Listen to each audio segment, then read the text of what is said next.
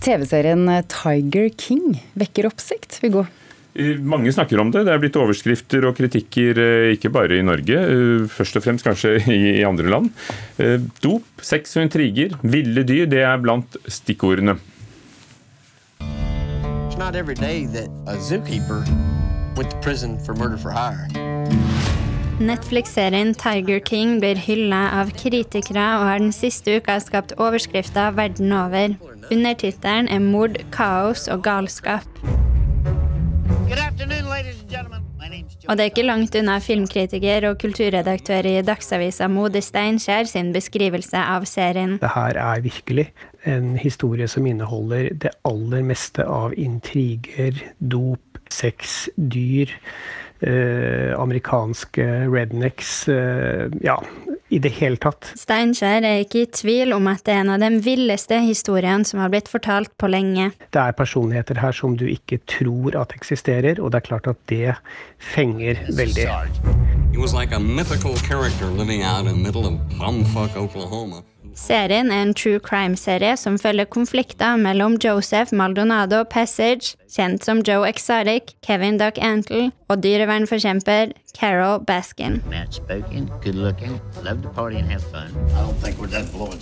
Konfliktene er både personlige og knytta til drifta av dyreparker med store eksotiske kattedyr som tigre og løver. Joe Exaric soner nå en 22 år lang fengselsstraff, dømt bl.a. for å ha forsøkt å hyre en leiemorder til å drepe Baskin. Det er det at det hele tida eskalerer og overrasker. Filmanmelder i NRK Filmpolitiet, Sigurd Vik, beskriver Tiger King som ei helt utrolig historie. Han stiller også spørsmål ved enkelte deler av serien. De blander jo både sjangre og, og, og, stilarter for å få det her til å alltid være mest mulig underholdende. Og så har jo det selvfølgelig noen uh, sider som man kan diskutere når det gjelder etikk og, og måten det presenteres på, men uh, det er i hvert fall underholdning de går for da i, i alle ledd her. Det var Birger Vestmo, vår filmkritiker, og reporter var Henriette Bertheussen Isaksen. Vi har med oss forsker ved Institutt for medier og kommunikasjon Universitetet i Oslo, Vilde Skanke Sunde. Hei. Du, Hva skal til for at en serie blir noe alle snakker om, eh, sånn som eh, denne Tiger King? Nei, Det skal være flere ting. Det må jo i utgangspunktet være noe som er bra. Eh, og så hjelper det jo ofte at det er noe som er nytt. Og at det har masse sånne eh, sjokkeffekter, eller eh, har du sett scener som gjør at vi også får noe å snakke om, så vi har lyst til å snakke om den serien. Og eh, denne serien har jo alle de momentene. Hvilke momenter da, sa du? eller hva, Nei, hva er det med det... denne serien, syns du? Uh, nei, jeg tenker det er en bra, utrolig, som flere var inne på før, en utrolig historie. Så vi blir jo veldig fascinert av den. Det er vanskelig å ikke bli fascinert av den kombinasjonen av liksom en dyreserie som møter reality, som møter påskekrim. Den har så mange elementer i seg. Og så er det fantastiske bilder som jo også bli, gjør at den blir fascinerende. Så oppleves det som noe nytt. Altså, det er en slags virkelighetsflukt. Det er et uh, miljø vi ikke har sett før. Og så er det masse scener, som noen sa, noen sånne plott og sideplott og twist-plott som gjør at det er veldig lett å snakke om den serien. Så når du møter noen, og typisk noen nå som ikke har gjort så veldig mye, og vært veldig mye hjemme, og alle har sett den serien, så er det lett å liksom ty til å begynne å snakke om den. Og det gjør at den serien ja. Unnskyld, ja. Det er vanskelig når du er med på telefonen og ikke sitter her. Men, men eh, hvor mye drahjelp eh, vil du da si at, eh, at, Tiger King har av koronakrisen og det at så mange sitter hjemme? Du, du mener tydeligvis at det, det, har, det, er en faktor her?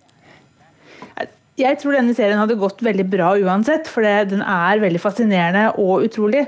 Men det hjelper selvfølgelig at veldig mange sitter inne nå og ikke kan ha besøk, og vi vet at vi strømmer mer enn vi noen gang har gjort. Så det gir en slags drahjelp på serien, men jeg tror den hadde gått bra også uten korona. Men hva kan være problematisk med denne typen uh, true crime-serier?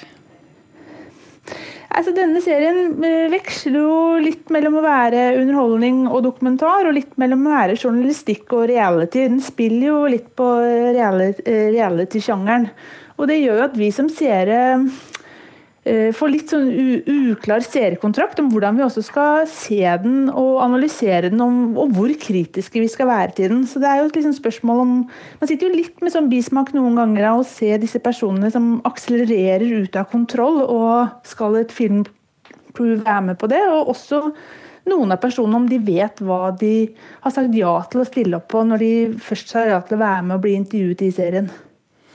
Det høres ut som eh, denne serien kan eh, bli noe man eh, skriver og analyserer om en stund etterpå?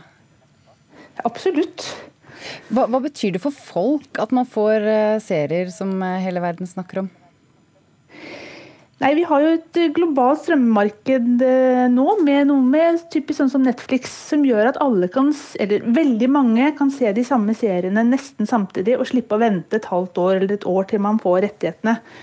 Og mange er jo fortsatt sosiale, og vi liker å se på ting som også andre ser, og snakke om ting som andre ser. Så jeg, jeg tror akkurat det momentet også er viktig. At vi har, får noen sånne felles kulturelle eller populærkulturelle referanser som vi kan snakke om. Takk, Vilde Skanke Sunde, forsker ved Universitetet i Oslo. Vi skal snakke om festivalsommeren 2020. Får vi i det hele tatt det?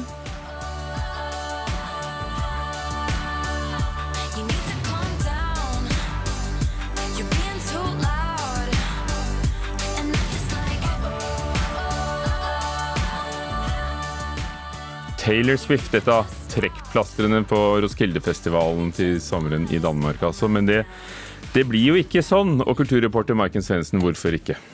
Det er fordi festivalen er avlyst. Danmarks statsminister eh, Mette Fredriksen hun forlenget i går forbudet mot store kulturarrangementer, eller store folkemengder. Og dermed ble også alle Danmarks festivaler i sommer avlyst. Roskilde den skulle ha gått av stabelen for 50. gang i år. Og arrangørene skriver på Instagram at de er lei seg for at de ikke får arrangere fest i år. Så blir det på en måte 50-årsjubileum neste år, får vi håpe. I Norge avlyste Kongsberg Jazzfestival i går. Egentlig skulle hun her på scenen.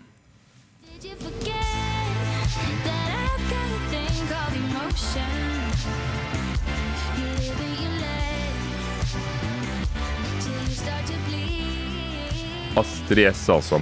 En av artistene som skulle vært på Kongsberg. Hva skjer med de andre norske festivalene? Eh, det er ennå ikke kommet noe tydelig avklaring på. For, allerede forrige uke så skrev VG at eh, interesseorganisasjonen Norske konsertarrangører mente at situasjonen var ganske desperat for norske festivalarrangører, og de ønsket da nasjonale retningslinjer på hvorvidt festivalene kunne gå som normalt eller ikke. I Oslo så har de store festivalene bedt Oslo kommune om en avklaring på eh, festivalene og hva som vil skje. Eh, assisterende helsedirektør i Helsedirektoratet, Espen Rostrup Nakstad, han var jo her tidligere i dag.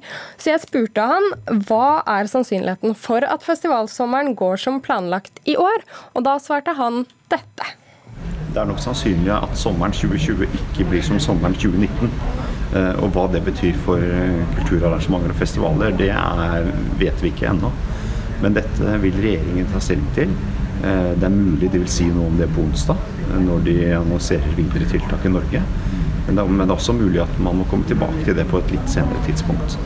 Men både vi og, og alle andre som jobber med dette, er veldig klar over at festival- og, og konsertnæringen trenger forutsigbarhet og trenger å få vite hvordan det vil bli til sommeren. Det er vi veldig klar over. Espen Rostrup Nakstad, så, så er det altså mulig at regjeringen vil si noe om dette i morgen eller senere. Takk skal du ha, kulturreporter Maiken Svendsen. Er det noe, Lea? Ja, det var det, da. Eh, ja. Som de fleste andre kulturtilbud eh, er humorshow og standup-scener avlyst eller stengt, men i mellomtiden så kan vi kose oss med noen av verdens beste komikere som er tilgjengelige på de forskjellige strømmetjenestene. NRKs humorkritiker har funnet frem eh, det han mener er de aller beste showene der ute akkurat nå. Esmen Borge, hva vil du anbefale? Ja. Um, ja, altså nå har jeg skrevet en sak som uh, har sju ulike standup specials i seg. Så tenkte jeg kanskje jeg skal bare gå gjennom en liten sånn topp tre her nå, da. Ja, det passer fint. Um, ja, og da kan jeg starte med en som heter Norm MacDonald. Uh, som jeg syns kanskje er verdens beste komiker, og kanskje verdens beste menneske også. Um, han har et show på Netflix som heter Hitlers Dog, Gossip and Trickery. Uh, og Det er en veldig fin introduksjon til Norm MacDonald. Den har litt den ironisk gammelmodige noir-humoren som han står for. og han fleiper veldig mye med gammeldagse film- og TV-troper med en sånn deilig deadpan-levering. Så han minner veldig lite om andre klassiske standup-komikere. Eh, og eh, så er det sånn at eh, en av de som eh, var fjorårets store snakkiser innen humorsjangeren, showet 'Nanette' av eh, Hannah Gatsby, eh, den skal også være bra. Hvorfor det? Ja, det showet der synes jeg er noe av det mest spennende som har skjedd standup-komedie de siste årene. Altså, det, er, det, har en veldig sånn, tydelig utarbeida dramaturgi som er ment å få til å liksom, tenke litt. da, i hermetegn, Men sånne ting så syns jeg ofte blir ganske høymoralsk og samvittighetsprega blir ofte ikke så veldig bra. Humor og det, i hvert fall. Men Hanne Gatsby er en veldig god tekstforfatter. Um, og som har en fremføring som ja, forhåpentligvis sparker litt tak i ting. da. Um, så alle som er opptatt av humorfaget, syns jeg bør se Nanette. nett og kanskje spesielt hvis du liker humor og alvor kombinert. Og så er det en norsk komiker som har kommet med på listen din, nemlig Else Kåss Furuseth. Ja, det er jo ikke en standup-special hun har fått med på lista, men hennes monolog 'Kondolerer', som sikkert de fleste har hørt om, har gått for fulle hus på Torshov-teatret og Nationaltheatret siden 2011. Så det er ikke standup, men jeg syns det er et så fantastisk stykke scenearbeid. Så når man har mulighet til å se det hjemme på stua, så da, du må bare slå til, altså. I, eh, I, denne nettsaken som du snakker om, som kan leses på nrk.no anmeldelser nå, så har du altså samlet sju tips til sammen. Eh, hva ellers er det vi bør sjekke ut utover det du har nevnt nå? Ja, der ligger det noen til. Det er bl.a. Dave Chappelle sin første HBO special, 'Killing Them Softly'. Og så er det en merkelig absurd komiker som heter Rory Scovel. Uh, 'Try Stand Up for the First Time'. Og så er det to show fra Jen Kirkman og Tig Notario. Så det er nok å ta av i den saken. Takk for at du var med, humorkritiker her i NRK, Espen Borge. Det var litt dårlig linje her, så hvis du ikke fikk med deg alt som ble sagt, så kan du altså lese anmeldelsen på nrk.no anmeldelser.